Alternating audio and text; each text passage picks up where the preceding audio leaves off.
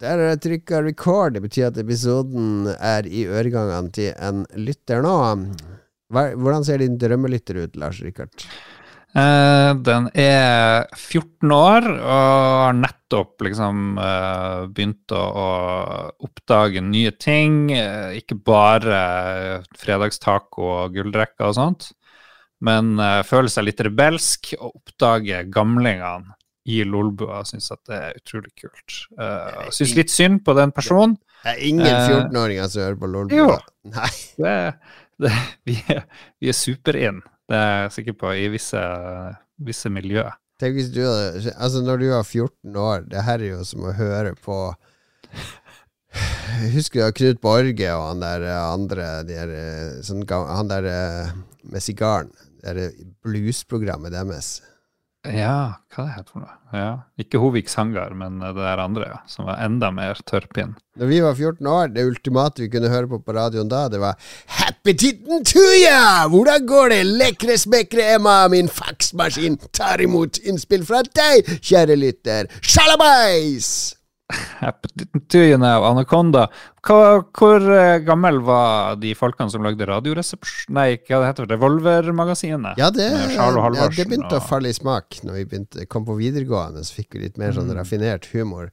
Det var jo Otto Jespersen og Charlo Halvorsen og Stig Helmer som lagde det. Og ja, de er jo bare ti år eldre enn oss, eller noe sånt. Ja, og de hadde jo med seg Kåre Willoch, og han her uh, NRK-sjefen var med, og de var jo gamle som bare det, og det syns jo vi var gøy. Jeg hørte på det mye før uh, videregående. De var, så, sånn... de var, ikke som Odd Gryte, liksom. Jeg tror vi er mer sånn Odd Gryte for 14-åringer i dag enn. vi, vi, sikter jo ikke mot de tenåringene nå. De er, li, de er, lite kjøpesterke, de er veldig fiklige. Jeg, jeg, vet at NRK de sliter jo med å nå uh, uh, unge menn under 30. Mellom, unge kvinner, da. Ja, unge kvinner òg. Det er et veldig vanskelig marked. Hva gjør dere i, Harstad for å nå det i, f.eks., Lars? Um, vi har ansatt dem. Eh, vi hadde jo 15-åringer og 16-åringer ansatt i sommer. Jeg eh, vet ikke om det hjalp så ja, mye. Men det nytter jo ikke å ansette uh, ungdommer og så tvinge de inn i gamlissystemet deres, ikke sant? Nei, men altså, de fikk gjort litt sånn morsomme ting. Testa cola, gjort sånne ting som de syns er gøy. Og nå er det, snusser vi på sånn Hva slags cola er det snakk om her? De tester all uh, cola, eh, Pepsi What Max? Cola Light, for det var en sånn greie ja, på TikTok. Ja. Jeg 14 år, jeg Klarer du å kjenne forskjell? Mest opptatt av sånn her Cola har eh, Det har jeg lest i avisene. Det er mye Nei, sånn blant ungdommen. Ja, det, det, er jo drugs her i grunnskole, sier politiet. Så det, men jeg tror ikke våre ansatte Det var før ved Harstad Det var liksom Harstad narkobyen i nord. Er det fortsatt et stempel som ligger over byen? Nei, jeg tror det er Tromsø som er klart narkobyen. Det er der de har store beslagene. i hvert fall. Men det, er, det, var to drugbusts i forrige uke i Harstad, hvor de fant masse Jesus. Shit. Ja, men ingen drap. Ingen drap på ganske lang tid her, så det, det, slipper vi unna. Men det er veldig trist at unge folk driver og begynner med sånne piller og ditt og datt. Jeg vet ikke, Burde man gi dem alkohol, liksom? Det er jo drug, det òg. Jo, men det er ikke så farlig som sånne Det er kjempefarlig. Mange mye vold i hjemmet, jobber Det er jo kjempefarlig rusmiddel, det òg. ja, ok, da. De bør gi dem uh, dataspill. Gi dem Steamdeck, alle sammen. Yes, dataspill, det er jeg med på. Det er jeg med på. Men før vi forlater i Harstad, fordi du vet jeg har, jeg har hatt sånn tirade om disse uh, misvisende overskriftene Mm. Og nå var jeg inne og så uh, Av og til får jeg opp uh, din eminente nettavis i min Facebook-feed, og der fikk jeg en mm. nyhet med Ole Paus eh, i Harstad. Føles dumt å si at det er vakkert i Nord-Norge. Som er oppe i 60 kommentarer nå med folk der Hva faen det søringen kan reise til helvete ned til Oslo med deg?! Men det, han sier jo jeg, jeg tror egentlig han sier det. Jeg tror han egentlig Det her er tatt ut av kontekst for å skape Det er fake news, rett og slett. Det er en fake, fake news. Ja, hele sitatet var vel det føles dumt å si at det er vakkert i Nord-Norge, for det er det jo. Men uh, det er veldig mange som sier at det er fint uten noen gang å ha vært der, eller noe sånt. var det.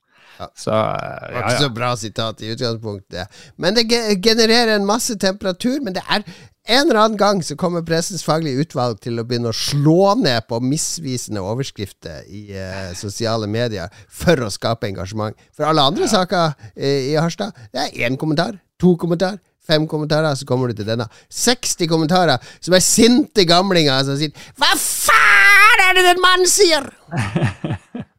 ja nei, det er ikke, jeg tror ikke det er vårt stolteste øyeblikk, eh, den tittelen der, altså. Det, så- All right, nå blir det for ja. internt. Nå blir det vår private samtale her. Vi må inn i sendeskjema og hva vi har gjort av interesse i det siste. Ja, jeg har jo vært en uke i uh, den her magiske uh, by, det er jo et tettsted, uh, Kautokeino. Ja, det hørte vi sist. Fortalte det sist. Ja, ja, Ja. Eh, der fikk jeg trent to ganger på Ton. Du må betale 99 kroner per gang for å trene på Ton. Det er det eneste som Ja. har sånn offentlig treningsrom. Utafor så står det et par reinsdyr. Det er veldig Levende. Levende, ja, ja, ja. Så det er jo litt artig, bare det. Og så får du trene alene. Hver gang jeg var der, så var det én and, eller det var helt alene. En and? Helt perfekt. And og reinsdyr. Ja. Uh, Reinsdyra var ikke og trente, som jeg kunne se. Den Men en Anna, den var trente? Du sa en annen person. annen. Jeg Ja. med meg sjøl. Ja. Ah. Ja. Nei, så, så det er stort sett det. Rydda og ordna. Og så var jeg på uh, Kautokeino svar på dynga, på liksom søppel... eh, ressurs eh, Det er jo du interessert i. Gjenvinningsstasjon heter det. jobber der. Og det som var eh, litt morsomt eh, De har jo bare åpent én dag i uka, og så må du må bare rushe. Alle må rushe liksom dit da. Og så syns jeg antar at det var ikke så mye kildesortering som kanskje andre sånne ressursstasjoner jeg har vært på. Det var veldig mye som gikk i brennbart, som kanskje ikke var helt Ja, altså, så vi skal redde elven deres, og ikke får vi lov å dumpe litt stein ut i fjordene deres, men å hive en vaskemaskin i brennbart, det er greit, er det det du sier? Ja, det er vaskemaskin, det er elektriske ting, hadde sine egen greie. Men okay. veldig mye annet. Jeg vet ikke helt. Ja, ja. Men eh, hvor mye resirkuleres det i norske sånne resirkuleringsplasser? 100 Det er, sånn, i mitt hjem. det er jo en sånn der Ja, men når du, du resirkulerer, du, eller du sorterer masse hjemme, men det er jo en populær oppfatning at når du, når du havner på dynga, så blandes det. Det blandes, det er ikke noe vits Nei, å gjøre det jeg skal ta, neste gang du er i Oslo, skal jeg ta deg med på gjenbruksstasjonen. Skal du se for det er et system de har. Ja, men de har sikkert bra system, og så tar, stenger dem, og så bare Ja, ja, nå kaster vi alt Nei, sammen. nei, nei, nei, nei, nei, nei, nei. Er det ikke sånn det skjer? Nei, det har Det er noen tror. Men Jeg- Hvorfor, jeg- skal vi ha Konkluderer ikke, jeg bare stiller spørsmål. Det er ikke lov å bare stille spørsmål der. Det er sånn konspirasjonsmåten å gjøre det på. Det er bare å stille Jeg sier ikke at det er sånn, men det, jeg leste det på Facebook, Ja. og det får deg jo til å tenke. Det får deg jo til å tenke. Eh, Ja. Det er 5G og disse mastene. Det får jeg? jeg sier ikke at det er sant. Det, det, Ja. det står Det vil også si det. Jeg er ikke ekspert. Nei, åpenbart. Åpenbart ikke. Det er halvparten som skriver på Facebook, er ikke eksperter, så de burde kanskje avstå fra å skrive. Men ja, er dette Ok, dette ble mer interessant enn jeg, jeg hadde veldig lave forhåpninger, så du klarte å dytte det opp til sånn svak treer. Men er det så vanskelig i løpet av uka å gjøre én ny ting, eller ha én ny opplevelse som man løfter fram? Det går jeg og tenker på gjennom hele uka. Eh, og så plutselig så har jeg en sånn Yes, dette skal jeg ta i denne spalten på Lolbær. For det, du kan jo ikke ha et så kjedelig liv at det ikke kommer ett høydepunkt i løpet av uka. For da har det vært siden siden kloakklekkasjen din, det er det siste liksom endringa i livet ditt. Siden da så har det, det har ikke vært en dritt! Everyone's No pun intended. Her i uh, Ja, men det- Rolbø. Jeg er sikker på at det skjer tre ting hver dag som kunne vært interessant å snakke om her. Det er bare at du må være bevisst på å skrive det ned når det skjer. Mm, ja, men du har helt rett. Jeg syns jo resirkulering i Kautokeino er kjempeinteressant, men, uh, men jeg tenker jo ofte Oi, det her må jeg ta og nevne i Lolbua, så går det en halvtime, og så er det hosj, du må skrive det ned. så er det ute. Du er journalist, har du ikke lært å skrive ned? Jeg tar opp lyd. Ja, det kan du òg gjøre. Ta, ta deg en Diane! Så jeg, jeg gikk akkurat forbi her, og da så jeg en kjerring som satt og bæsja eh, nedi For eksempel. Da har du Ja. en interessant historie. Ok, ok, men nå er det enorme forventninger, for nå har du skrytt over at uh, du gjør noe Ja, nytt for jeg har gjort noe helt nytt som jeg aldri har gjort før denne uka. Jeg har innført en eh, ny ting i livet mitt. Fordi Det har jo vært eh, høstferie. Du har vært i Kautokeino i høstferien. Jeg har Mm. stort sett jobba, men onsdag etter jobb så heiv vi to unger inn i bilen, meg og min kone, og så kjørte vi opp til eh, fjellhytta, der du har vært nylig, både du og Mats. Vært på hytten, aldri skjedd før. Spennende. Nei, men vi skulle kjøre opp dit, og så ble det jo ganske seint. Vi var spiste på en kro, og så handla på Rema. Begynner å bli mørkt. Og jeg er ganske trøtt, for jeg har vært på jobb hele dagen. Og så, klokka er sånn åtte på kvelden, fortsatt eh, litt over en time, halvannen time å kjøre opp til hytta. Så jeg bare Skal jeg kjøpe meg en kaffe på denne bensinstasjonen? Men det er litt sånn Kjøpe kaffe klokka åtte om kvelden. Drikke varm Ja. kaffe. Det er sånn, Men oppi hodet mitt, det, det fungerer ikke. Det, kaffe er noe jeg drikker første halvdel av dagen, frem til i sånn i to-tida. Da kan jeg drikke kaffe, men så etter to så rører jeg ikke kaffe mer. Mhm. Men hva, hva ellers kan man gjøre da for å holde seg våken? Eh, Så kikker jeg litt i hyllen inne på bensinstasjonen der, og så ser jeg jo Der står en diger, sånn der eh, gigantisk eh, boks med Red Bull. Det har jeg aldri drukket før. Æsj. Ja, ok. Jeg, det det Jeg vet jo for eksempel han eh, Carl i Level Up, han drikker jo bare sånn Burn energidrikk. Drikker jo ikke kaffe. Ungdommen de drikker jo eh, energidrikk i stedet for kaffe. Det er der de får koffeinen sin. Så tenker jeg, nå vet du hva, nå skal jeg jaggu begynne å drikke databrus når jeg trenger Mm. å holde meg våken om kvelden. Eh, det er jo det man kaller denne Monster Ja. og Burn og Battery og hva det heter, alt sammen. Så jeg kjøpte meg en sånn gigasvær Red Bull. Og så har jeg jo en tiåring, og en eh, Han er elleve faktisk nå. En elleveåring og en 13-åring i bilen. Jeg kommer ut med Red Bull og Å, pappa har kjøpt Red Bull! Uh! Og han tiåringen min, han dr hans største drøm er å være en tøff ungdom. Så han bare 'Kan jeg få Red Bull? Jeg vil ha Red Bull!' Nei, nei, nei, det er bare for voksne. Han fikk lov å smake en liten slurk. Han syntes det var det beste han hadde smakt i sitt liv. Og jeg tok og bæ- bælte meg nedpå og nesten styrta hele den halvliteren med Red Bull. Tenker nå, nå skal jeg få effekt. Nå skal jeg slutte å gjespe og bli våken. Og det funka altså bare, det.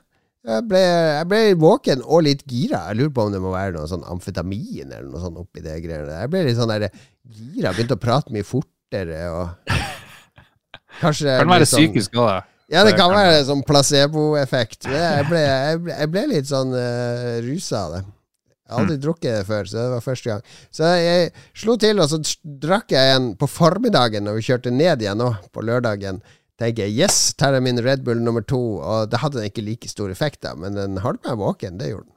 Du vet den første, første dosen, det er Ja. den beste. Det er den du trakter etter. Ja, det er det. Men jeg, jeg har ikke drukket Jeg kommer ikke til å drikke denne databrusen i hverdagen på jobb. Det tenker jeg ikke. Men jeg lurer på om jeg skal ta den av og til, bare for en sånn pick me up på, mm. på kveldstid. Jeg har ofte blitt gammel mann, vet du. Ofte så har jeg fått sånn der brune flekker på huden oppe ved panna. eller hva? Ja, jeg begynte begynt Ja, å få sånne ordentlige så jeg begynte å bli ganske trøtt på ettermiddagene etter middag og sånn, så jeg lurer på kanskje en liten Red Bull er, er tingen eh, Mm. Vi har sikkert lyttere som har mer erfaring med det her, for jeg og du kan jo ikke disse drikkene. Nei. Men nå kom det jo en, eh, en ny helsenyhet, og det kommer jo hele tida, og det er jo liksom vanskelig å forholde det til seg. Men det var jo sagt, ikke sant, fra NRK blant annet, ja, du kan drikke 1000 liter eh, Du må drikke så mye lettbrus eh, at du dør av sånn vannforgiftning eh, før det liksom blir helseskadelig. Men nå er det jo vist at det, det lettbrusgreia er knytta til litt sånn kjipe helseeffekter, og det er jo sikkert mye av de her Red Bull og de her. Det finnes jo en sånn lett Ja, utgave Jeg er som sikkert ikke er sunt i det hele tatt. Men så har du kaffe, og der gikk jeg nå eh, mens du snakka til Landsforeninga for hjerte- og lunge et eller annet. De er jo store på helse, og der sier de jo at kaffe, det, det er bare gode saker. Selv de som drikker mye kaffe, har eh, helse, bedre helse enn de som eh, drikker mindre kaffe. Så eh, mitt råd her er, tror jeg, er bare gi ungdommen kaffe. Få dem av det der jævla Red Bull og alt det der. ja, det er Det er noe i det du sier der, for det er ofte når det er sånn reportasje på Dagsrevyen fra Og Gunhild ble 108 år og feira bursdagen sin her på Glomma gamlehjem, og da sitter hun gjerne og drikker litt kaffe. Og så spør de hva er hemmeligheten bak et langt liv. Å, det, du, det er å knulle så mange menn som mulig. Jeg er en ny mann hver måned. Det har holdt meg ung og frisk. Og sa ikke akkurat det, da. Det var litt, litt sånn Ja. skitten fantasi.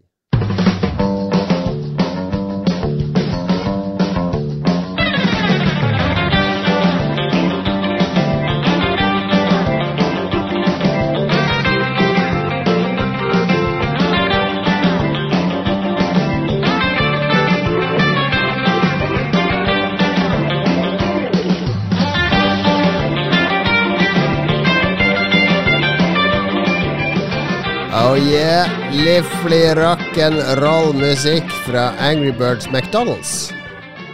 Mm, storspillet. Ja, McDonald's-varianten av Angry Birds. uh, skal vi se, fortsette her. Én kopp kaffe per dag reduserer risikoen for å dø av hjerte- og karsykdommer. Dette er fra liksom organisasjonen som prøver å holde oss i live. Ja, ja, men jeg drikker jo kaffe. Men det er ikke sånn, sånn kostholdsråd. uh, Vær forsiktig med lettbrus og sånn. Er ikke det Er ikke det invalid etter du fyller 50? Altså Det verste som kan skje for samfunnet, er at jeg lever til er 120-130 og blir sånn pleietrengende de 30 siste årene av livet mitt. Det blir en enorm kostnad for samfunnet. Burde ikke samfunnet oppfordre alle over 50 Kjør i på med Red Bull og fett! Og spise spareribs og burger så mye du vil, og drit i, drit i å være sunn. Bare kjør, kjør deg i grava. Ikke det, burde ikke det være budskapet til meg? Mm, nei, sånn rent personlig så syns jeg jo det er en dårlig Sigaretter er topp for deg. Tre kopper kaffe eller mer per dag beskytter mot høyt blodtrykk. Heroin. Når burde jeg begynne? Nei, 60 kan jeg vel begynne med det. Jeg husker ikke han her i gamlingen i Little Miss Sunshine, eller hva det heter. Han bare Jeg er 70 år, hvorfor ikke ta heroin? Mm, før jeg glemmer det, så første episoden av Ikke lov å le på hytta. Din anbefaling i forrige uke, tror jeg det. Utrolig morsomt. Ja. Fantastisk morsomt. Skrattlo.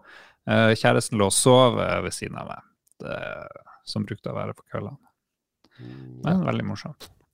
Hva er den største samiske standup-komikeren? Um, ja, og det er det lille, og det er Trine Lise, hva heter hun? er Åh, sånn- Hun har jeg sett i 71 grader nord kjendis, og hun er hun, er så, hun klager så mye. Hun er jo morsom, da. Ja, det var med sin høye stemme. Ja. Hun er, jeg tror kanskje hun er samisk, jeg vet ikke. Ok, men nå er det hva vi har spilt siden sist, og det er det da vi drar fram et nytt spill. Vi har en uke på oss. Test noen nye spill. Ja, ja, ja. Noen nye inntrykk. Jepp. Ja. Ja. Nei. Hva er det nå? Har du, har du ikke klart å spille videre i Cave Story engang? Jo, det er klart å spille videre. Jeg har spilt masse. Utrolig morsomt spill. Anbefales fremdeles. Uh, tror jeg begynner å nærme meg slutten. Mm, sa vel uh, sa mye forrige uke. Men heldigvis har du spilt masse! Ja da, jeg, fordi jeg, jeg, jeg falt endelig Endelig dytta jeg meg sjøl over stupet, og så fant jeg en uh, Steamdekk på finn.no som jeg slo til på. Selvfølgelig uh, mye dyrere enn å kjøpe fra Valve, men de der eh, fuckers, uh, Gabe fucking Nuvel, han vil jo eh, I'm not gonna sell to Norway! I fucking hate Norwegians! eh, fucking oil parasite country! Burn in hell! det- kan, det, jeg var den siste han på E3, så sa han det. Han bare ranta mot Norge. Men hva det koster for en sånn? Eh, På Steam så koster det vel 500-600 dollar, avhengig av lagringsplass. Men på eh, Finn så må du opp i 9 10 000 kroner, ikke sant? Uh. Så det koster jo litt. Men uh, det Jeg tenker nå må vi få testa ut denne maskinen, for nå går jo ryktene om at den skal komme i Norge snart. Og da er det jo greit å, å ha noen ut, inntrykk som vi kan dele, sånn at vi er en relevant spillpodkast, og ikke bare spiller Cave Story i tre måneder og snakker om det. Men eh, rykter om at det kommer til Norge, det er en sak på IT-avisen. Ja, det er Trond Bie som er konspirasjons... eh, han, er- han liker å hoppe til konklusjoner, for å si det sånn. Jeg vet ikke om vi kan kalle det journalistikk, alt som står på IT-avisen. Nå kommer endelig Pixel, Google Pixel til Norge. Dette kan jo bety kanskje at uh, Google Steamdeck kommer til Norge. Har ingenting med hverandre å gjøre. det, ja, er ikke det det, det er sånn i Harstad-metodikk, er det ikke det? Nei, nei, nei, vi hever oss over det der. Okay. Bort fra den, Ja, men kanskje, eh, kanskje kommer det. det. Det vil i hvert fall være en merkedag hvis man, man endelig kan kjøpe Valve-hardware i Norge, for det har man aldri kunnet, verken med VR-headset eller de andre tingene de har laga. Mm.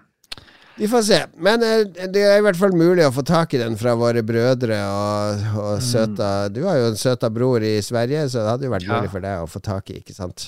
Jo, men jeg er ikke råd. Jeg driver og dette sammen. Men hva du har spilt på den steamdekken din? da? Ja, altså Steamdekken er jo en, eh, en forvokst switch. Den er ganske tjukk. Og jeg, jeg kan vi- vise her. Fettshame steamdekken. Det er vi for gode til. Jon Cato må løfte med ryggen for å få den opp her. Skal vi se. Her er jo en switch, ikke sant? Løfte med beina Sånn, her. nå viser jeg fram en switch. Ser ut som en PSP, egentlig. Ja, det er en switch. Og så her er steamdekken, da. Å ja, det er Steam Deck. Så det, Ok, ja, den det er ser litt ikke ut som en PSP. litt tykkere òg. Ja. ja, den er tjukk. Den er fett. Hvor mye veier? Blir du sliten? Jeg har jo sånn her senebetennelse i alle ledd i hele kroppen. Det er litt sånn bedre grep. Bedre grip. Litt sånn Mm. tjukkere grip. Det er litt mer sånn voksenhender den er laga for, føles det som. Altså er den jo Mm. Den kjører et eller annet hjemmelaga Linux-system eh, med Steam oppå, så du, når du slår den på, så kommer du jo rett inn i Steam-biblioteket ditt. Og der er jo lasta ned tonn med spill som jeg hadde der fra før. Alle har en sånn ranking på om de fungerer perfekt på Steamdeck, eller om de fungerer ok. For eksempel hvis det er veldig lita skrift i spillet, så kan det være vanskelig å lese Mhm. på Steamdecken, eller du må bruke sånn virtual keyboard eller mus og sånne ting. Det er det ikke optimalisert for Steamdeck. Så da står det markert ved spillet. Men eh, nesten alle spill kjører ganske bra på den, er mitt inntrykk. Og så er det noen som er optimalisert eh, veldig bra til den. Så jeg har spilt mye Mm. To spill som jeg har fått sånn nytt liv etter jeg fikk de på Steamdekken. For jeg hadde dem med meg opp på hytta, og der lå jeg på sofaen og spilte i flere timer med Death's Door, som vi vel snakka om eh, da det kom. Eh, det er sånn Mm. 3D-isometrisk spill der du er en kråke. Eh, litt sånn Ja, er. Zelda-aktig spill. Fungerer veldig veldig bra på Steamdekken. Og så har jeg spilt mye Return to Monkey Island, som jeg starta på for noen uker siden. Ja. Lovte at jeg skulle fortsette på. Og det også passer perfekt på Steamdekken. Gå rundt med Guybrush, du kan highlighte alt du kan interagere med. Uh, så jeg spilte litt på Steamdekken der, på hytta, noen timer. Og så kom jeg hjem fra hytta på lørdag, og så lørdagskveld så hadde jeg tatt meg en whisky, og så bare fortsatte jeg på, på uh, min stasjonære. Mm. Så man kan hoppe liksom frem og tilbake mellom de. Og jeg syns jo Den er jo altfor stor til å drive og ha med seg. Altså Switchen kan man, kan man til nød ha med seg, men den der bæreveska til Steamdekken er jo en koffert. Herregud. Ja, det er ikke noe som du har Hvis du reiser rundt med ryggsekk og sånn, så kan du ha den med deg på buss og T-bane og sånn. Den er, den er litt for stor til å være sånn, så det kommer til å bli en sånn sofamaskin for meg her hjemme, eller ha den i senga. Eh, Ok. Hm. Ja, for det er jo bra med Sitchen. Den er veldig lett, liten og lett. Så det altså, du, du hadde sikkert tatt den med deg til Kautokeino og sånne ting. Det går fint. Ja, ja. Men, uh, men ja. Men uh, det er noe med å ha det Steam-biblioteket der, og så er det jo Den kan jo også kjøre emulator og andre ting hvis man. Den er jo ganske åpent system, så man kan jo drive og installere eget OS og sånn på den. Er det sånn som med Atari Lynxen, som også var veldig stor og imponerende, men batteritida var jo sånn helt uh, forferdelig. Den Ja, det er ikke så bra batteritid på den her heller. Det er tre to-tre timer hvis man spiller Witcher 3 eller Elden Ring, liksom. Hmm. Nå kom jeg på han Steinar Albrigtsen. Jeg nevnte for det da vi snakka om noe annet, at uh, jeg sa helt feil. Uh, det var i 50-årsdag-podkasten din, så sa jeg ja, og du solgte jo sånn her Lynx-spill til en, eh, en eller annen kjendis, og da var det han Steinar Albrigtsen, eh, kom jeg på. Men jeg, Lynx var jo eldgammelt eh, på den tida der, jeg skjønner ikke hvor den koblinga kom fra. At jeg Er det stemmer det at Steinar Albrigtsen var en Lynx-fan? Ja, jeg mener det. Vi må, vi må få snakka med han. Jeg håper ikke han er full Jeg av solgt eh, eh, Gran Turismo 1 da nå en gang i tida på Akersmik. Ja, ja. All right. Tar links. Never forget. Ok, Steamdeck høres veldig bra ut. Når jeg begynner å få penger igjen, skal jeg vurdere å få broderen til å kjøpe en sånn. Ja, jeg tror du hadde likt den, fordi nå når du har familie sånn, så er det noe med å ligge på sofaen med en egen liten skjerm mens ungene ser på Peppa Gris, eller kona ser på Skal vi danse, eller jeg vet ikke hva. Din, din kone, eller din samboer, slår meg ikke som en sånn der eh, Skal vi danse-dame. Nei, hun er mer eh, TikTok og Snapchat. eh, Ja, men da har du jo TV-en for deg sjøl, skjønner ikke problemet. Hvorfor Ja. spiller du ikke nye ting hele tida, da? Er du flau over å spille foran så- samboeren? Vet du hva, jeg, jeg driver og leser mye. Det glemte jeg jo å nevne, men det, jeg driver og leser noe helt sinnssykt mye på min Kindle. Så det, jeg driver før Jeg driver ikke passivt, sier jeg. ja. Noen underholdes jo passivt. Jeg er veldig aktiv i min lesing med mye bøker. Leser en utrolig dårlig serie for tida.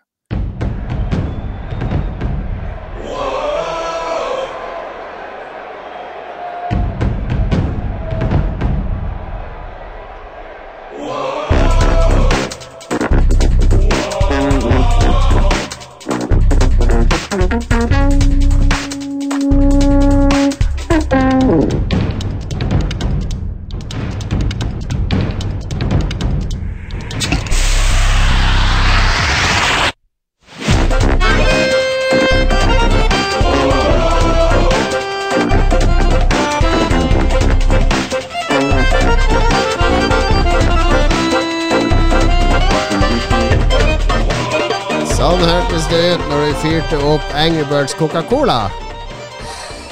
Jeg ser et tema her eh, i dagens Du skimter tema i horisonten.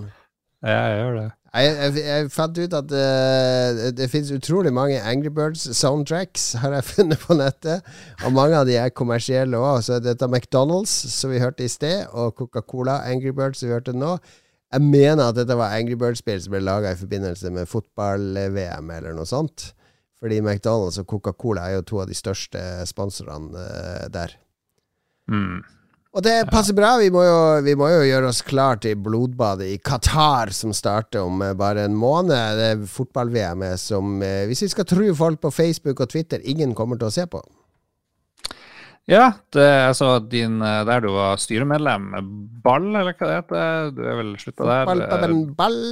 De skal boikotte hele driten. Da tenkte jeg hm, hva tenker fotballfan Jon Cato, som jo egentlig er en prinsippfast mann, eh, hvor dypt stikker prinsippene i dette tilfellet? Ja, det, jeg har tenkt litt på det. Jeg driver og ser Premier League nå fordi jeg har en veldig fotballinteressert elleveåring som kan navnet på alle spillere, som elsker Haaland, selvfølgelig. Og så har jeg prøvd å forklare at det er ikke lov å heie på Haaland. Ja, han er fra Norge. Ja, det er lov å heie på han fordi han er fra Norge, men det er ikke lov å heie på sånn der eh, lag som har stadion som heter Emirates Stadium, og som, eh, som du kan se på Instagram på Visit Abu Dhabi, der han sitter og fremsnakker hvor fint eh, det landet er, osv. Jeg prøver å forklare han hva blodpenger er, og sånne ting. Men det er, mm. det er litt mye å forstå for en elleveåring som bare ser verdens mest effektive målmaskin. Ja, ja. Så det er, det er, litt vanskelig akkurat det der, fordi jeg, jeg, ja. Er, det, er det barnemishandling å nekte ungene å se fotball-VM fordi det er i Qatar? Det er et godt spørsmål. Mm, jeg føler at kvinneforum på nettet, diverse, der er rett plassen. Jeg tror det er rett plassen å diskutere det, fordi jeg, hvis han blir mobba på skolen, og, fordi alle andre får lov å se fotball-VM Tenk du tilbake til 70-tallet. Det var barn som ble mobba fordi de ikke fikk lov å leke med Barbie fordi de bare skulle ha hjemmelagde klær, fordi foreldrene var idealister. Alle vi vet at de ungene ble mobba. De ble mobba hardt når du hadde idealistiske foreldre. Vet du hva som fremdeles finnes? Tekst-TV. NRK tekst-TV kan du se på nett. Du, er det lov å følge med på fotball-VM på tekst-TV? Ja. Jeg tenker at det er en god nok buffer. Det er et kompromiss. ja. Kan man også hva med å spille kampene i Fifa? Altså gjenskape kampene i hmm. Fifa, mm. i stedet for å se dem? Han kan få resultatene dagen etterpå, og så må han spille dem på Fifa, som jo også ja. kanskje ikke er helt Nei, det er mye som byr meg imot. Og så har jeg litt lyst til å se på for å se om det er noen som uh, tør å gjøre noe der. Kaste litt blod ut på banen, eller noen Det er ingen av de spillerne. De er så feige, de tør ikke å, å demonstrere eller vise noe styrke her, tror jeg. Så her der er jo Tekst-TV er jo helt genialt på nett. Kan jeg liksom bla meg frem? Du må liksom manuelt skrive inn hvilken side du vil gå på. Det er jo ikke helt det store. Er det de samme sidene som var før? 381, er den der? Ja, det var sånn vitseside. Fins den ennå? Hva var den? Det før. 381 381, var ikke det dagen i dag? Ja, det var en sånn fin greie. Dagen i dag er nå 1,99. Er det 1,99? i 1708. 39 bygårder og 60 sjøbuer brant ned i Kristiania. Ja. Så det brann i Trondheim i 56, og bare brann på 10. oktober. Det er Fritz og Fridtjof og Frida sin navnedag, så gratulerer til Frida i uh, Level Up. Og så husker jeg dagen i dag leste alltid, for det var alltid et sitat med Det er de fleste menneskers galskap.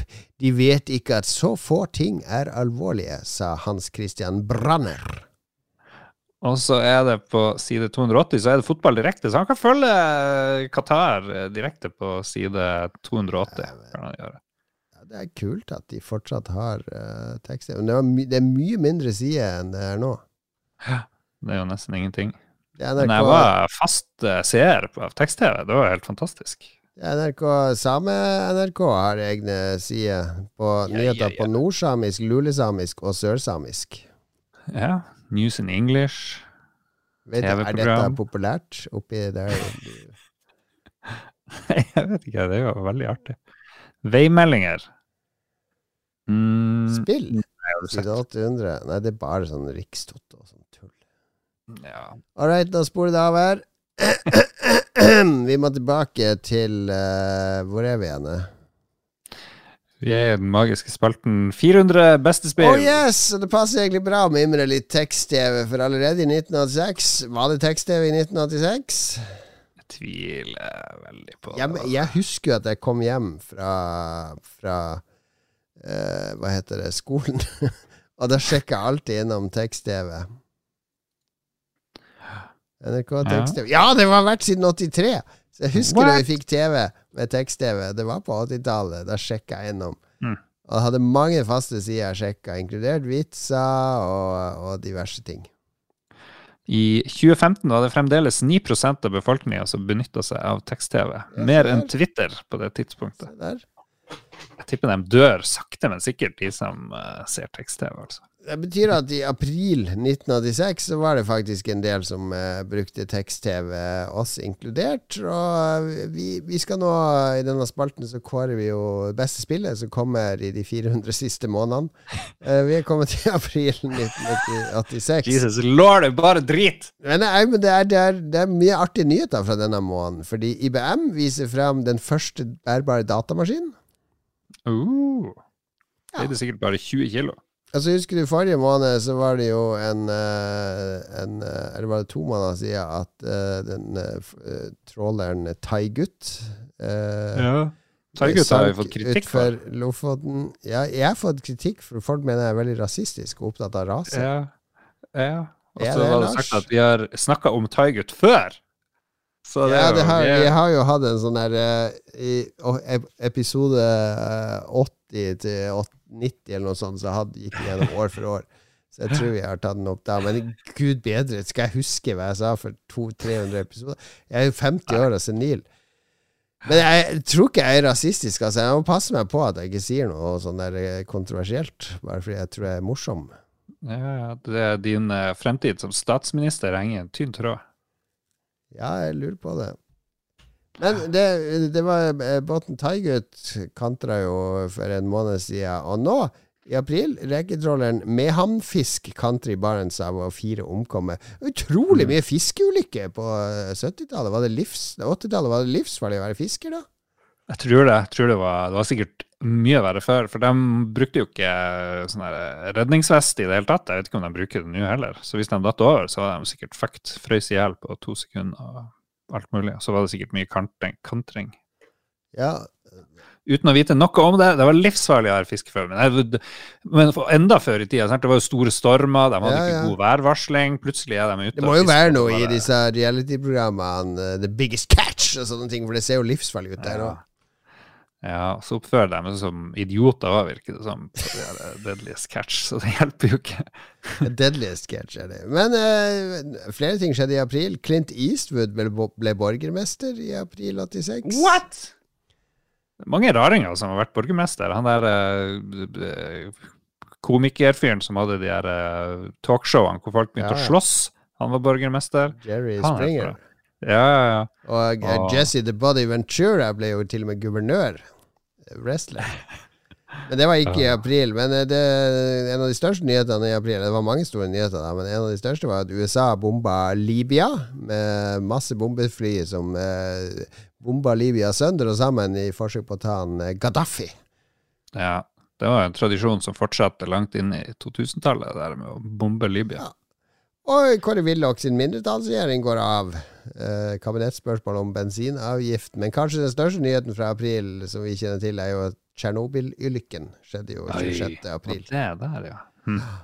En atomreaktor i Ukraina som eksploderer. Og det er skummelt! Skummelt relevant i dag òg, med tanke på situasjonen der nede, Lars. Det ga oss jo heldigvis en veldig god TV-serie, da, så aldri så galt. Ja, det er, det er too soon. Too soon. Ja. Det jo eh, Det står vel dårlig til med atomreaktorene for tida. Nå er det bare Ukraina som har atomreaktorer, virker det som, og Tyskland som driver og stenger ned. Og... Burde vi ha mer atomreaktorer, Jon Cato? Hilsen Det er Fredrik vanskelig å ta på stående fot, sånne spørsmål, Lars. Ja og nei! Mer Ja atomreaktorer. Det er både ting som taler for, og som taler mot. Jeg er Fredrik Solvang. Han er jo på ferie. Han var på cruise med Kristian Ringnes og dama. Ja, han. Hagen, så da kan ikke du intervjue meg. Jeg er han Stein Erik Hagen. Ja, du er, Å, ja. Solveig, eh, her, ta deg litt champagne. Gjør en god jobb i NRK, du, ja. Eh, av en eller annen grunn så får jeg nyheter fra vi som støtter Sylvi Listhaug på uh, Facebook. Og der er folk veldig glad i Fredrik Solvang. Syns det var helt urettferdig at han fikk kritikk for å fære på sånn milliardærcruise, for de som ikke har fått uh, det med. Så der er jeg helt enig med de som støtter Sylvi Listhaug. La Fredrik Kristian Solvang, hva han heter. Hvorfor får du nyheter derifra? Jeg vet ikke. Det må jo være for at du, du er inne og liker det. Mm, Står her at du er admin. Jeg ser på gruppa nå. Det trenger du ikke nevne for alle og enhver. Ok, Vår gamle vi nå ble det veldig useriøst der. Vi skal over til spillåret, eller spillmåneden april 1986. Jeg har henta frem fire spill som kom i og rundt denne måneden. Et arkadespill, altså tre spill fra Commandore 64, som det så fint eh, heter. Snart kommer jo eh, Amiga 500, så da vil det jo ta seg opp. Men det kommer tydeligvis ingen spill til Nintendo i 1986, for det er det liksom nesten nada hele tida. Men det Ja, er det, sikkert det ikke noe var jo Folk har veldig gode minner av alle Nintendo-spillene de spilte, men problemet var jo at det kom to eller tre storspill eh, i året. Ja. Men du sier noe der. La oss, la oss ta en, eh, en kontroll her. Uh, list of Nintendo Entertainment System Games. Eh, release dates Men det er sånn, problemet med det her er jo at at datoene for spillslipp er jo helt nesten udokumentert. Så det vi går etter nå, det er jo sånne datablader som du har, og så tror vi at de spillene kom den måneden, men de gjør jo ikke det. Ja, sånn De cirka den måneden. Det var jo ikke en lanseringsdato, ikke sant? Nei, nei. Nei, når, når det ikke er eh, Altså, man kan selvfølgelig gå tilbake eller finne et arkiv med kvitteringer fra de som drev med salg av dataspill, f.eks. Spaceworld og andre. Gå gjennom årsregnskapet deres og se når fakturaen kom. Men det, det går jo ikke. Det går ikke, Lars. Det går ikke å være så nøyaktig. 18. april 1986, Dig Dug 2 kom til Famicom. Det er ikke verdt å nevne. Det er ikke verdt å nevne. Gradius 25. april, men det kom sikkert ut før. Nei, Ja, det er jo en port av Arkademaskinen som kom Ja. lenge før. det er noe jævla stress å finne ut av alt det her. Og de fleste spillene på de listene, der, med, der står det bare 1986, ikke sant? Så da er det like greit å ta de der dataspillbladene. Greit nok, greit nok. Jeg tror det. Tror det. Ja, første spillet er Supersprint, som du har eh, funnet frem her. Det er jo faktisk et artig spill. Det husker jeg veldig godt fra American eh, Chicken and Burger. eh, som var den lokale gatekjøkkenet i Harstad, som også hadde Arkadehall. Og det var et eh, Hva skal jeg si Det er sånn top down racing-spill, ikke sant, der man kunne være tre spillere. Så det var tre ratt på denne uh, Arkademaskinen. Da skulle man putte på mynta og så trykke på start på sin bil, og så kunne alle tre kjøre mot hverandre eller mot datastyrte biler. Og så var det jo top down, du så hele banen, ikke sant? Så det var tegna Mm. som en sånn veldig enkel Formel 1 eller gokart-bane.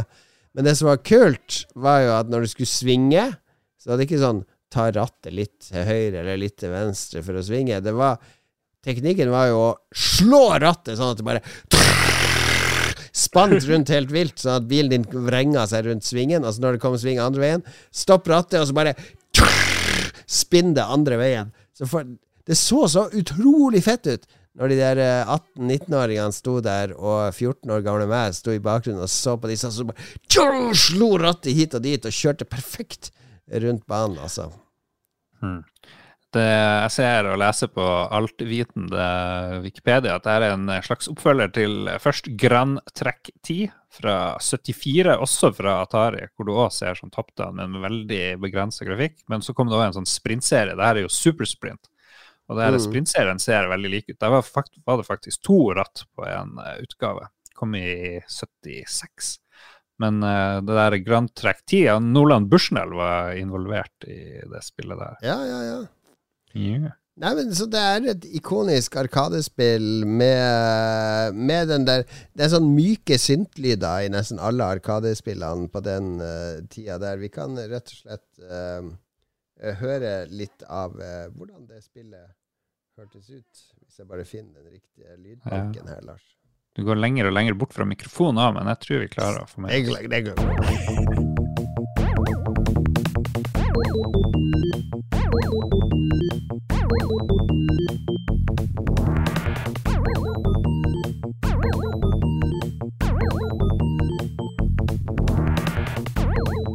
Enten det er uh, Marble Madness eller hva enn det er av Arkadespill, de hørtes helt like ut alle sammen. Det er jo han Hal Cannon, for et fantastisk navn, og han Brad Fuller, som har lagd uh, musikken til noen av utgavene til det spillet. Slett ikke verst. Vi skal, til et, vi skal til et spill som ikke hadde musikk i det hele tatt. Et spill som heter Alter Ego. Et spill som fikk gold medal i uh, SEP64. Et spill som uh, Det var ingen i Harstad som solgte dette spillet. Verken eh, Gunnar Nilsen, eh, Lekebutikken, eller eh, hva heter de, Fakta System. Som var de to stedene som eh, solgte sånt. Aldri hørt om eh, Alter Ego, men det ser veldig interessant ut. Jeg, og min venn Gunnar Brun Vi var hardcore Commodore 64-spillere på denne tida. Og vi leste denne anmeldelsen. Leste anmeldelse i Commodore User, mener jeg. Og det her må vi få tak i. Det ser, høres helt magisk ut. Eh, fordi det var et spill der du basically skal leve livet ditt fra fødsel til du dør. Og eh, et tekstbasert spill med noen ikoner, men du får basically sånne situasjoner du skal forholde deg til. Eh, som barn, som lite barn, som eh, større barn, som ungdom, som tenåring, som 20-åring. Gjennom hele livet. Og det er situasjoner som involverer sex. Eh, som involverer eh, forhold, som involverer arbeidssituasjoner. Altså sånne Alle disse valgene man tar gjennom livet, som definerer deg som menneske. Fordi når du er ferdig og har levd et helt liv, så får du en sånn psykoanalyse av valgene du har tatt, og hva slags menneske eh, du var, og litt sånne ulike eh, Nesten som en psykologtest. Og det her virka så utrolig avansert, for det kom på åtte disketter eller noe sånt. Eh, for det var så enorme Jesus. mengder med tekst og algoritmer og sånn. To sekunder, jeg må få eh, unge her til å være stille. Trym! Artig at vi ikke klipper de her eh, sendingene lenger. Så det blir bra. Bonus folk, content. Folk, hører, er folk, folk hører, føler at de sitter her sammen med oss, vet du, når det er De uncut. det. uncut. Jeg er bare så gira i å snakke om et av de siste spillene her. Men OK, Alter ja, Ego, Alter Ego, det var en For meg og Gunnar, 10 som var liksom? 14-åringer, som, og vi så sånne skjermbilder av at du skulle ha eh, Drev og flørta med nabojenta eh, som en eh, 14-åring, og kunne ende opp med å ha sex med henne og sånne ting. Vi bare, herregud, dette, for to prepubertale, nysgjerrige, spillinteresserte gutter, så var jo dette Virka jo helt eh, Det var helt uimotståelig. Så det var første gang så sendte vi en sånn sjekk til et sånt postordreselskap i England. For du måtte sende en sånn her postal order, legge ved pengene i konvolutten på en sånn her Uh, Jeg husker ikke hva de sjekkene het. Vi sendte det ned da og tenkte ja ja, får vi det her, så er det jo helt topp. Og det kom i posten flere uker senere, så kom spillet. Og jeg og Gunnar vi hamra gjennom det to-tre ganger, tror jeg. Eh, For å få med oss mest mulig situasjoner. For det var jo sånn branching, ikke sant, basert på hva du gjorde. Det var basically sånn pick your own adventure, bare veldig sosialrealistisk. Og eh, vi likte det godt. Det kom i to varianter, av det spillet. En der du var født som gutt, og en der du er født som jente. Så med der situasjonene blir litt annerledes. Ja, ja. Litt forut for sin tid, eh, nesten der, altså. Ja, ja, på mange måter. Eh, Altså, tror jeg det fins på IOS og sånn nå. De har vel uh, porta det. Og jeg prøvde å gjenbesøke det, men det var liksom ikke helt det samme som når jeg var Når jeg var ung eh, ungdom og ikke ante hva voksenlivet brakte. Det her var noe som forbereda meg på å bli voksen, på en måte. Så for meg så er det, frem, altså, det er noe magisk over det spillet fortsatt. Right. Er det, men var det OK, det var ti av ti da du var ung, kanskje. I dag holder ikke helt. Men eh, har det påvirka senere spillutviklere, tror du? Og kan eh, Ja, ikke i så stor grad, men eh, innholdet i det til å være et spill fra 86, det å ha, være såpass voksent og Det har kanskje påvirka spill som Seaman fra, fra Sega, der du blir psykoanalysert av en fisk gjennom en måned som spør deg spørsmål. Uh, men jeg, jeg, vanskelig å si hva påvirkningskraften er. Det var jo egentlig bare to psykologer som satte seg ned og lagde et spill. All right. Det virker veldig sånn indie game-aktig, i hvert fall i presentasjonen mm. måte å gjøre ting på. det er morsomt. Absolutt. Neste ut, mm. der har vi litt uh, musikk. Ikke så bra musikk, men uh, vi tar det vi får.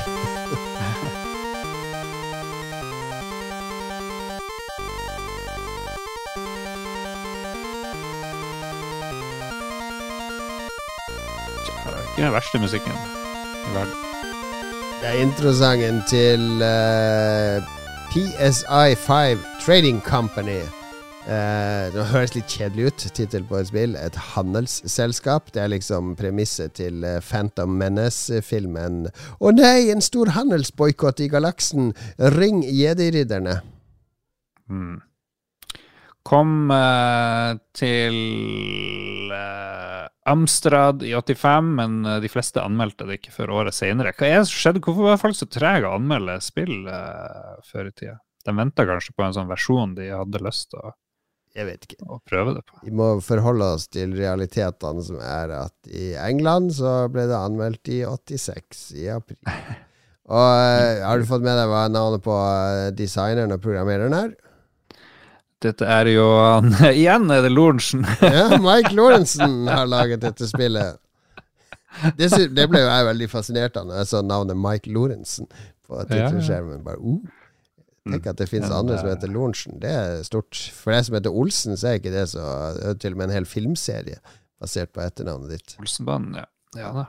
Det var stort. Men For meg som het Lorentzen, så var det stort. Men det var dette spillet som var stort, fordi PSI5 Trading Company, så er du kaptein på et skip, et handelsskip, der du skal rekruttere seks stykk, som skal være mannskapet ditt. Og frakte Hvis jeg husker, skal du frakte noen varer fra en romstasjon fra ene sida av galaksen til den andre. Så skjer mm. det masse greier underveis. Du blir angrepet av fiender, pirater og andre ting. Så du trenger et mannskap som fungerer sammen. Det her spillet forbereder jo meg på de sjefsjobbene jeg hadde i voksen alder. Fordi første del av spillet eh, er jo å velge hvem som skal bemanne de ulike systemene. ikke sant? Våpenstasjon, navigasjon, engineering osv.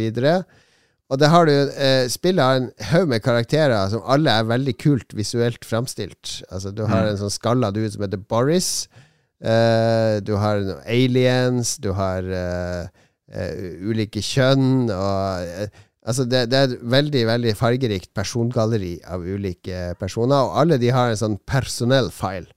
Og her står det styrker og svake. For eksempel kan det være at uh, han roter mye under stress, men er veldig fokusert hvis han får klare oppgaver. Uh, kommuniserer bra, men liker ikke den og den typen personlighet. Så du må sette mm. sammen et mannskap som uh, på en måte går overens med hverandre. Og så må du gi ja. alle tid underveis i reisen. For hvis du ignorerer noen av de, så begynner de å gå sine egne veier. Så plutselig har du ikke skjold lenger, fordi engineeren din driver og eksperimenterer med noe annet. så du tar masse skade når det kommer uh, fiender og sånn.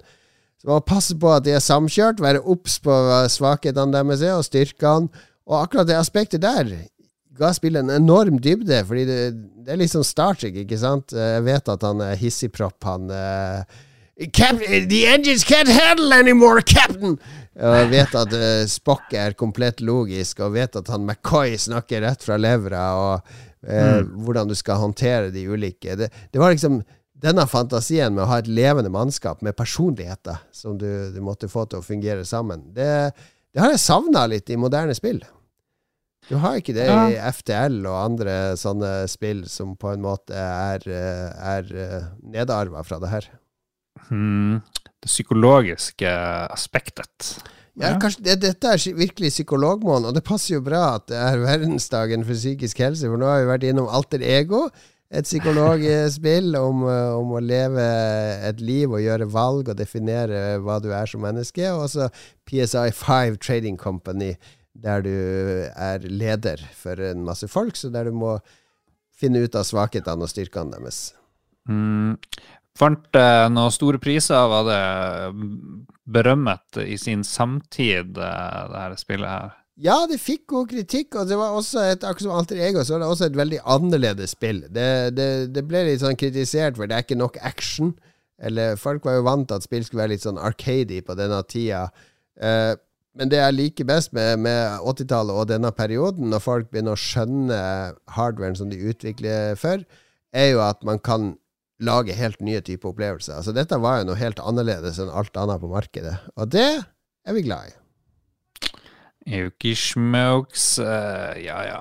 Uh, men nå Nå kommer det du har venta på. Jeppidoo. Nå skal vi snakke om trust. Thrust, heter det. Mm. Thrust. TH. Jeg husker jeg slet i engelsk med å få den der th. Three. Three, Lars. Try, amigos. Nei, men det er Trust. Har du spilt det?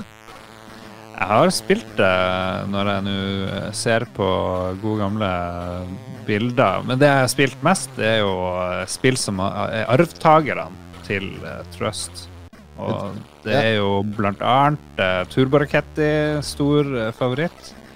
Uh, Harstad-produserte Mayhem ble spilt mye. Jeg har jo kopiert mye, men selvfølgelig det beste spillet i verden nesten er jo X-Pilot.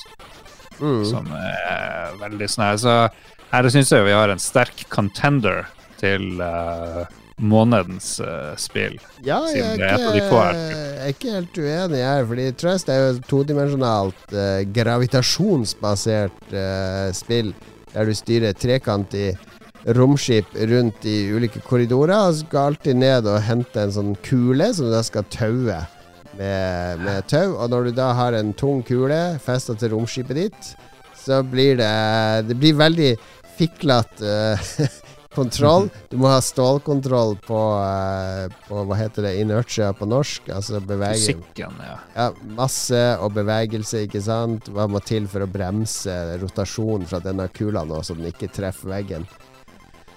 Og uh, det, det var, selve det aspektet var jo veldig kult. Det å lære seg rett og slett fysikkbasert styring av dette romskipet som hele tida faller mot bakken, og som faller enda tyngre med en ball på slepp. Ja, og spill som baserer seg på sånn fysikk, og at ting oppfører seg på litt sånn eh, realistisk måte, er jo en wieneroppskrift uh, i mange mm. sammenhenger. Og så kan du skyte litt og sånt i tillegg. Og det er litt sånn kanoner som skyter etter det. Så det har jo veldig mye. Ikke bare navigasjon og lære fysikken, men du må plukke opp bensin, og så må du liksom få tak i den her ballen og styre på. Så nei, det der er helt topp spill. Jeg er helt enig. Jeremy Smith som lagde det, og Rob Hubbard, som vi hører i bakgrunnen her, som lagde musikken. Det fikk også en oppfølger som ikke var like bra. Og uh, han Bjørn Stabell, som uh, jeg har intervjua en gang, har lagd en svær artikkel om X-pilot for gamer.no, han uh, sa at Trust var en av hovedinfluensene for X-pilot, Lars. Mm. Ja, så min, eh, min, stemme kan gjerne gå til, uh, til det her spillet, altså. Vet du hva, du skal få den. Du skal få den Sånn at du kanskje blir litt mer uh, gira for denne fantastiske spalten som nå våre lyttere omfavner med begge armer. Magisk. Tusen takk for det.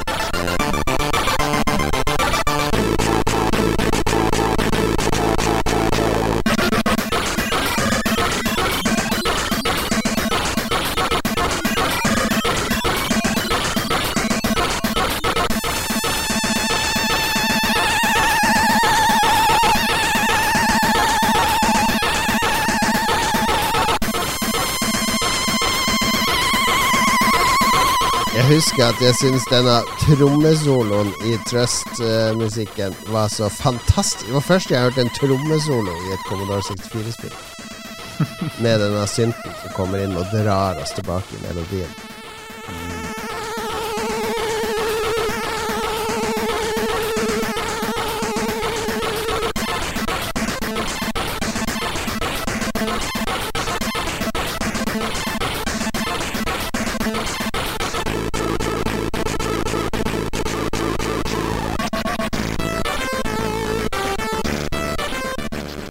Oh yeah, baby. Sid forever. Uh, magisk. Magic times. Magics. Ja, ja, vi nærmer oss sommeren 86. Jeg syns disse månedene suser forbi i rekordfart. Tenk hvis vi, hadde, hvis vi hadde beholdt år, så hadde vi vært oppe på 91 eller noe sånt nå. Like sand in the hourglass. These, these are the C64 games of our lives. Ja, men si noe ifra. Jeg har bedt lytterne si ifra. Blir det for mye, blir det for lite? De, de sier jo ingenting. Jeg tror ikke vi har lyttere lenger. Tallene sier noe annet, så gud vet. Det. Spørs om de tør å si noe. Kanskje de er kua. Ja, Det som Den som tier samtykke, er jo min uh, teori.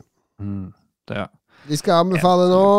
Her uh, Du leser og leser og leser, men du leser ingenting bra, for du anbefaler aldri noen bøker. Nei, akkurat nå leser jeg eh, Jeg har lest en ny bok som er veldig bra, uh, som er bok 11 eller 12. Jeg husker ikke. går ikke an å anbefale bok 11 eller 12 i serien? Jo, selvfølgelig. I Cradle-serien, som er helt fantastisk. Og så leste jeg Som er en sånn Er du- Vuxia Er det sånn diagnose at du må lese hele tida?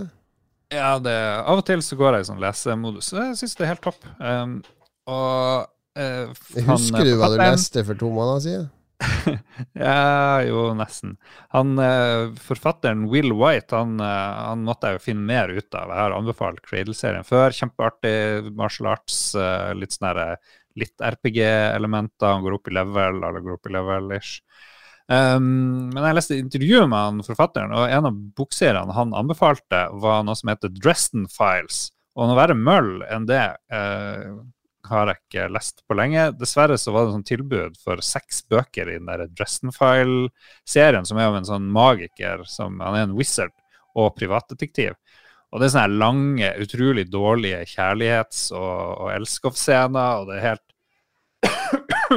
Helt grusomt. Men siden jeg kjøpte alle seks bøkene, så driver jeg jo power through. Speed-leser. For det som er bra med Kindle, det er jo bare å hoppe vilt, og så ser du om det skjer noe spennende. Det finnes jo en. Dresden Files TV-serie òg, fra 15 år gammel cirka. Ja, det er, det, jeg vet faen om det er det samme, men jeg lurer på om han der Will White tok feil av Dresden Files og Laundry Files. Chicago-based wizard works as a private investigator. Det er Yep. TV-serien. Kanskje de blir bedre, de her bøkene, men de her første er bare så forferdelige. Så ja. Anyway, så jeg driver og leser det der for tida. Men det var ikke det jeg skulle anbefale. Jeg skulle bare Nei, nei, nei, jeg håper ikke det. Nei, så to anbefalinger. Jeg vet ikke om jeg okay, Jeg må hoppe over det første, det er for teit. Men jeg har drukket Funlight julebrus, den som ble utsolgt i fjor. Folk solgte den på Finn. Det var stor ståhei. Eh, den dukka opp på, i Kautokeino, uh, på Coop eh, Extra, eller hva det heter for noe. Anbefaler alle å kjøpe Funlight julebrus. Eh, dessverre er det jo sånn her light aspartam-ting der, da, så det er jo ikke bra for deg i det hele tatt. Men den er veldig god. Den er verdt å Light ikke gå på. Finn og betale sinnssykt masse. Ja, det er jo sånn kunstig søtningsmiddel som ikke er bra for ja, det er det deg. Ny, ny research. Så eh, det er nå en lett anbefaling. Men OK, jeg tar den første, da. Fordi jeg intervjua en fyr i dag eh, som er sjef i Vegvesenet, som heter Geir Hartz Jørgensen. Så jeg vil anbefale han. Eh, ikke sånn fordi han er en sjef og sånt, men fordi han er så utrolig deilig, eh, koselig å prate med. For noen ganger så møter du sånne sjefer på toppen som er bare sånn sinnssykt trygg og åpen, og litt som har den der eh, eh, filosofien som eh, du bruker i hvert fall å si at du har, Jon Cato, at man skal være åpen om det meste hvis man jobber i det offentlige. Så får man jo bare ta kritikken hvis den kommer. Men eh, noen mennesker er litt sånn at ja, kan gjerne prate, tar seg tid til eh, folk, både vanlige folk og medier og sånne ting, og sier ting sånn som de er. Og det syns jeg er en god lærdom å dra med seg eh, overalt, egentlig. Prøv å være eh, vennlig åpen, selv om du har masse makt. eh, så kan, trenger du ikke oppføre deg som om du er liksom den hotteste fyren i verden, liksom. Går an å være litt sånn ydmyk og hyggelig og uh, ja, litt sånn jordnær. Jeg vet ikke hvordan man lærer det, liksom. Jeg, aner, jeg lurer litt på hvordan folk blir sånn som de er noen gang. Uh, apropos mental uh, helsedag osv. Ja, men det å liksom være, sikkert være litt trygg på seg sjøl tror jeg hjelper eh, godt. Men også å Ja, jeg tenker at vi er jo alle ganske like. Det er liksom selv om du er en sjef, så trenger du ikke oppføre deg som om du er en sjef. på et vis. er det et, uh, hva er det du anbefaler? Du anbefaler han Geir Hartz Jørgensen? Jeg gjør det. Eller jeg anbefaler det jeg lærte av han Geir Hartz eh, Jørgensen. Så han inspirerte ble inspirert dag. rett og slett? Ja, han inspirerte meg litt. Det, det er jo litt sånne folk jeg liker, da. Men i dag ble jeg minnet på at det finnes uh, sånne folk som sitter øverst i et system, og som, uh, som kan være litt ydmyk, kan uh, ta kritikk med saklighet, og så kan de liksom Ikke at det var noe kritikk her i dag, da, men uh, når han har fått det òg, så har han liksom svart ordentlig. Men jeg har aldri møtt han ordentlig in person, så jeg satt i en time og drakk kaffe. og og jeg fikk gode vibber fra et menneske som, som bare var liksom decent. Det syns jeg er veldig forfriskende. ja. ja. Bedre vibber enn du får fra Per-Willy? Eh, ingen kommentar.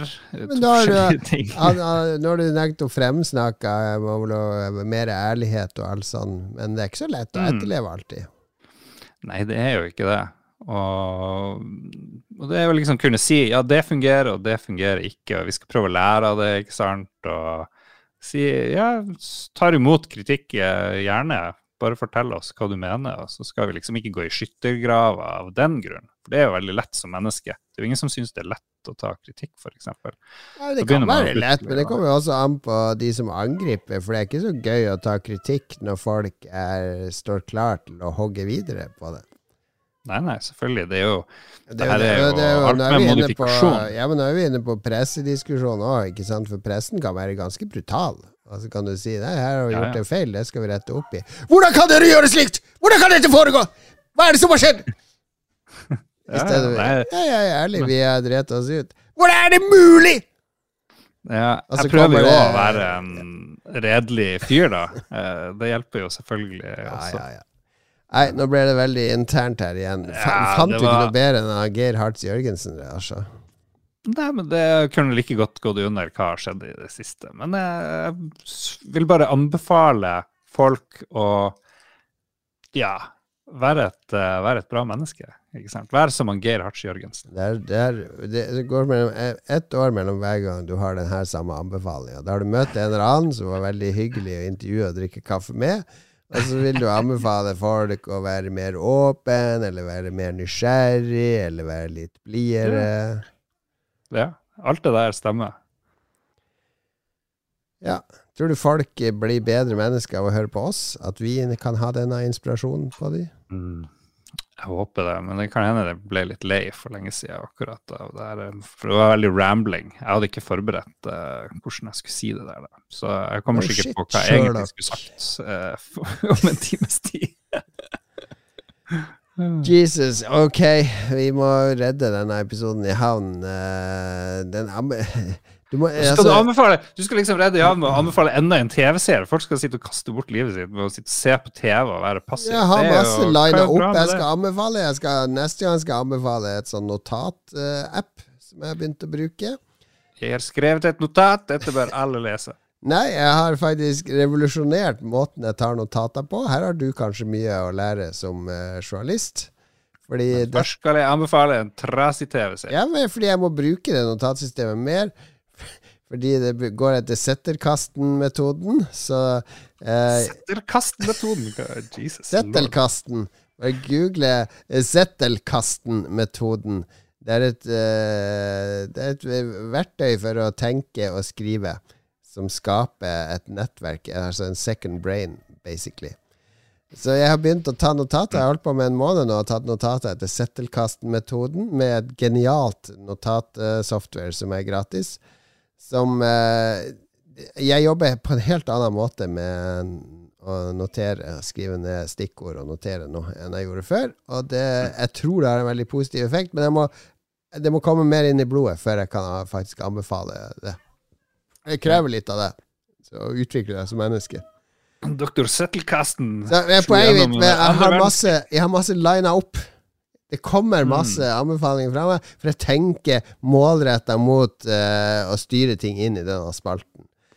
Jeg hadde trengt uh, akkurat det på min forrige anbefaling. Ja, Det er jo ikke noe problem. Du kan begynne nå å tenke på et eller annet du skal utforske i forbindelse med enten spalte én, spalte fire. Det er der du må heve deg, Lars. Spalte to òg, for du spiller jo ikke nye spill. Spalte tre, der gjør du en hederlig innsats. Det har jeg merka. Du setter deg inn i spillene som vi skal snakke om, og sånn. Der, gjør, der leverer du bra. Der får du ståkarakter. Men på én, to og fire så har du forbedringspotensial. Jeg sier ikke noe Lyttere som vet hva én, to og fire ja, Spalte én er noe av interesse. Hva har skjedd siden sist? Spalte to spilt siden sist. Og spalte fire anbefalingen. Her er, jeg tror du vet sjøl at det er forbedringspotensial her.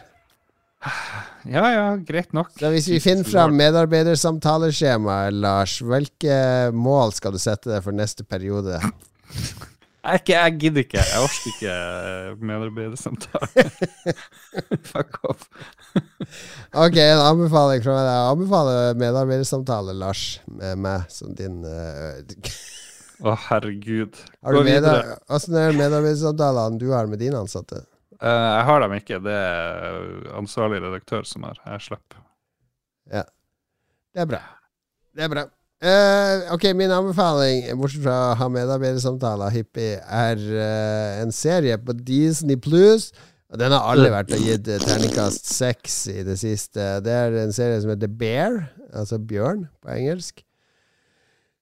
Som handler om, uh, handler om en sånn mesterkokk som har jobba på verdens beste restaurant. Det er broren hans dør i Chicago. Han kommer fra Chicago, fra en sånn helt vanlig arbeiderklassefamilie. Broren hans dør, og broren har en sånn sandwich-sjappe uh, i Chicago, som er en sånn familiebedrift. Og han uh, etterlater den bedriften til han der mesterkokkbroren. Så han reiser da tilbake til Chicago og skal prøve å få styr på denne sandwich-sjappa, som har masse gjeld. Han har selvfølgelig lånt penger fra mafiaen, som er selvfølgelig en venn av familien.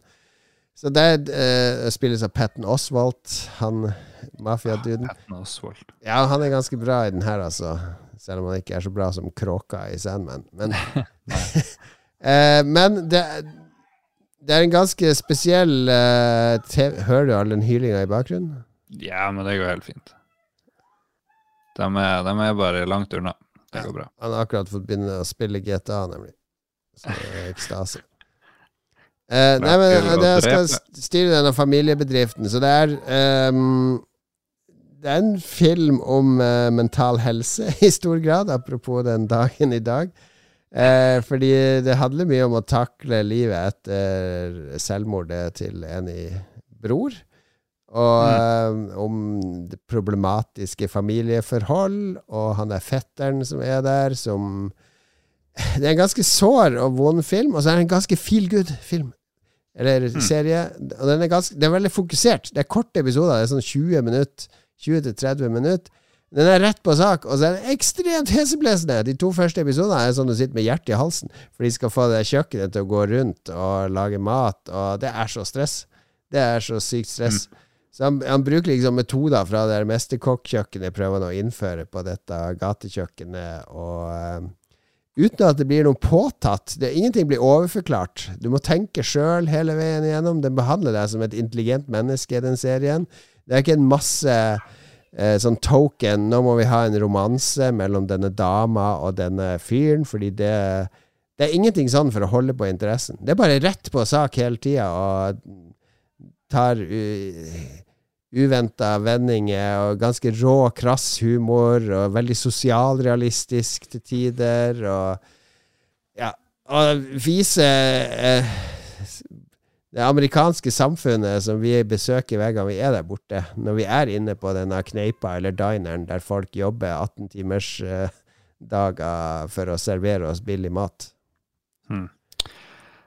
Min reaksjon er fuck de her kokkene. Jeg får så sinnssykt mye oppmerksomhet uh, overalt. De her eh, Gordon Ramsay og De blir sånn her geniforklart. Det er jo greit nok et drama fra en kokkeplass, det høres uh, fint ut. Ja, det her er fint lite får, med Gordon Ramsay og det tullet der å gjøre. Kokka får generelt uh, Har ikke så mye med din anbefaling å gjøre, men de får altfor mye oppmerksomhet. Og så skal det liksom lages filmer. og En million TV-seere med de her kokkene, spesielt sånn reality, begynner å få mer enn nok. Så takker meg til litt fiksjon, så kan jeg slippe de her uh, reality-greiene.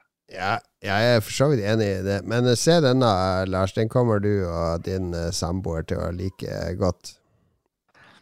Okay. Jeg lover.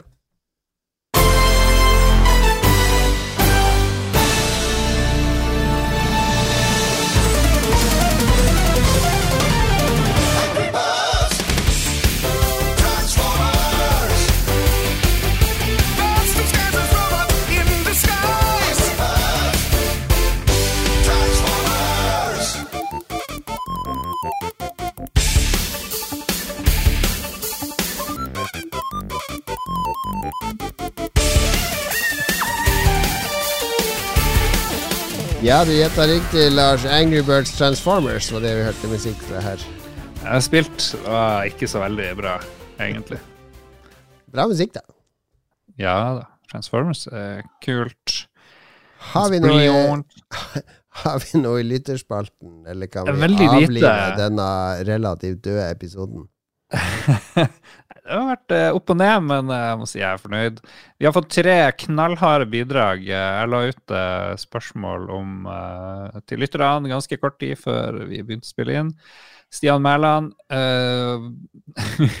papirkutt mellom tærne eller fingrene? Oh. Mm. Ja jeg, vil heller ha det mellom fingrene, altså. Jeg tror jeg tar det mellom tærne. Bikka 50 er blitt veldig hard hud nede ved tærne og beina, så det tror jeg er knapt merke nå i min alder. Ja, det Tær og føtter til gamle folk er jo mest nok helt sinnssykt disgusting. Ja, det er disgusting uansett. Jesus Jesus. lord. Det. Magnus Eide Sandstad, hvordan skal vi feire at det er 28 år siden Doomguy fikk dobbeltløp av hagle, dvs. Si at Doom 2 ble lansert? Nei, det skal jeg feire med å ta et shot i mitt Doom-patronshotglass etterpå. Ja, jeg skal feire med å feire å legge barn om fem minutter. Da legger de med hagle, så Nei da, det var stygt.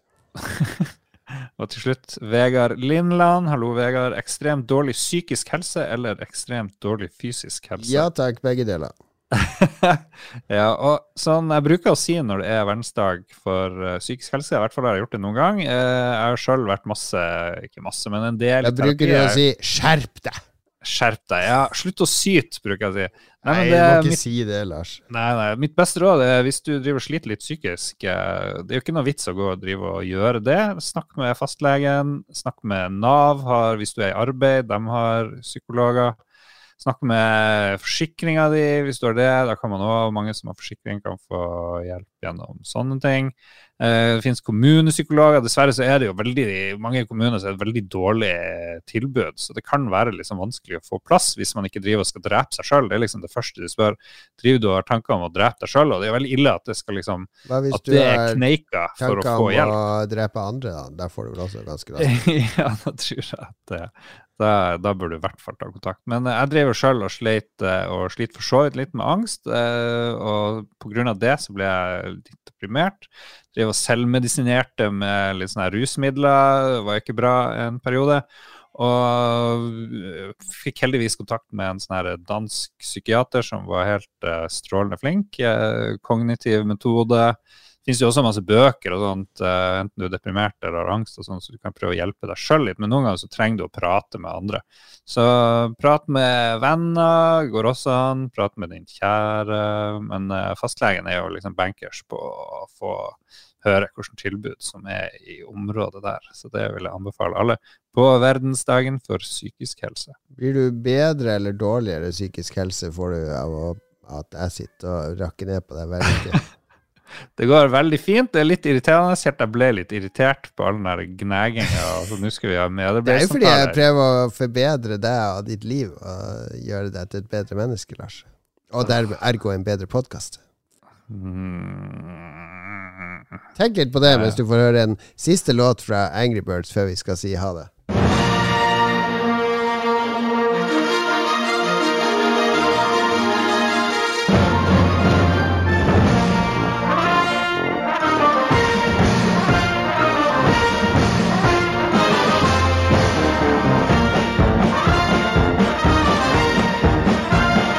En sånn bisarr Angry Birds Star Wars-korps eh. Ok, nok Angry Birds for denne gangen. Du er jo en stor korpsfan. Nei, korps. fuck off med de her uh, tilbakemeldingene dine, men tusen takk. Tar dem som positiv uh, og konstruktiv kritikk. Tilbakemeldingskultur er viktig. Ja, ja, ja. Så lenge du slutter å være så rasistisk, så skal jeg ta Ja, men det jeg, altså, Jeg tar jo det til etterretning, selvfølgelig. Jeg er jo ikke rasist, men Nei da. Du kjenner jo han Philip. Nei, men jeg må jo, Det stemmer jo det jeg sa sist. Jeg må jo passe meg for å ikke begynne å poste ting på Facebook. Fordi plutselig så begynner jeg å gjøre det. For Jeg tror man mister kontrollen når man bikker 50 på sånne ting. Ja. Og så begynner man sånn der Må det være lov å kalle en spade for en spade? Og, eh, det er jo bare et ord. Og herregud, jeg jeg var jo født med tisselur, Jeg kan jo ikke bli en sånn person. Det er jo det, er- det er noe man, det som byr meg mest imot i hele livet. Ja. Du er, du er bare et par år unna Kari Jakkesson-stadiet. Hva du syns om uh, vaksinering, eh, Jon Cato? Begynner du å bli eh, Jeg skeptisk? er for alt av sprøyter. Heroin, vaksine, whatever. Ja, så bra. Ja, ja. Anbefaler det. Jeg kan ikke anbefale heroin ennå. Jeg er glad over seks måneders tid. Jeg begynner med heroin nå til jul, og så skal jeg prøve det noen måneder, så kan vi se om det blir en anbefaling. Ja. Vi, eh, skulle ikke vi gjøre et sånt heist før vi døde? Jeg tror det var en sånn plan. Ja, det var jo før vi hadde barn og sånn. vi fordi du sa i alle år eh, Så sa Mm. du du hadde lyst til at vi skulle gjøre et heist, Ja. eh, ting og Sånn tang. Oceans Eleven. Ja, Det eneste som holdt deg tilbake, det var at foreldrene dine var i live. For de syntes det var veldig Mm. å bli tatt og havne i fengsel, og foreldrene dine blir skammer seg over det. Og nå er, nå er bare mor di igjen. og jeg har også bare min mor igjen. Så skal vi ta avtalen nå. Når de to er ute av verden, så blir det heist. Herregud. Ja, men problemet er at jeg tror moderen lever lenger enn meg, da. Så det Du tror det, ja? Vi får se. Ja. Så eh, ja, vi får snakkes om det senere. Vi får, ta, vi får planlegge det senere når vi er fri for tøyler. Og Problemet mitt Ja, ja.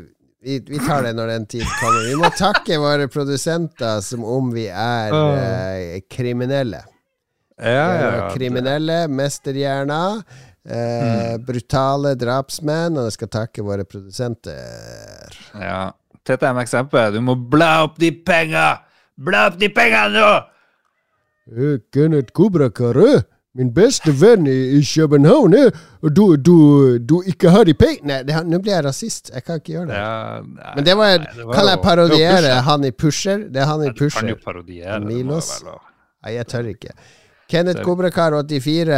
Jeg er en hvitsnipskriminell eh, som bokfører eh, etter ordre, og nå har jeg bokført én million ut av ditt system. Vær så god, Kenneth. Duke Jarlsberg, you just ordered a thousand liters of milk. Det er jo en slags kriminell.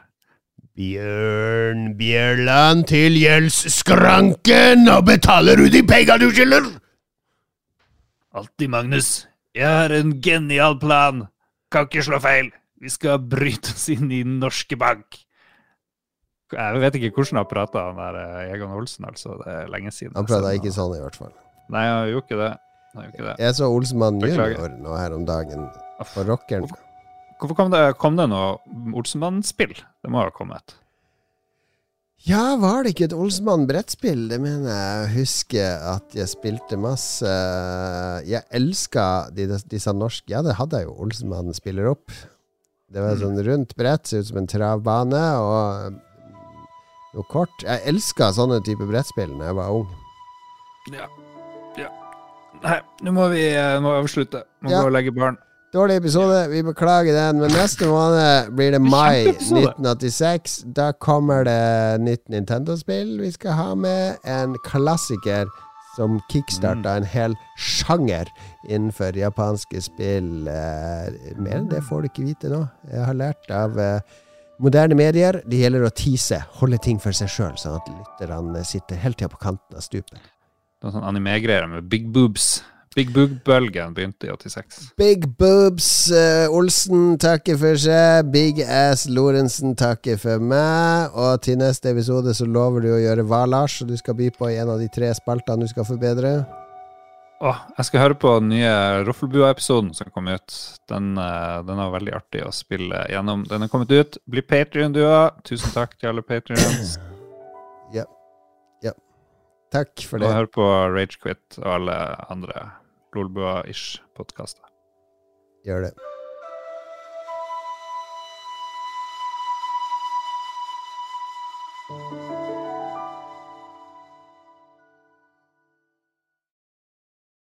Har du et enkeltpersonforetak eller en liten bedrift? Da er du sikkert lei av å høre meg snakke om hvor enkelt det er med kvitteringer og bilag i fiken, så vi eh, gir oss her, vi.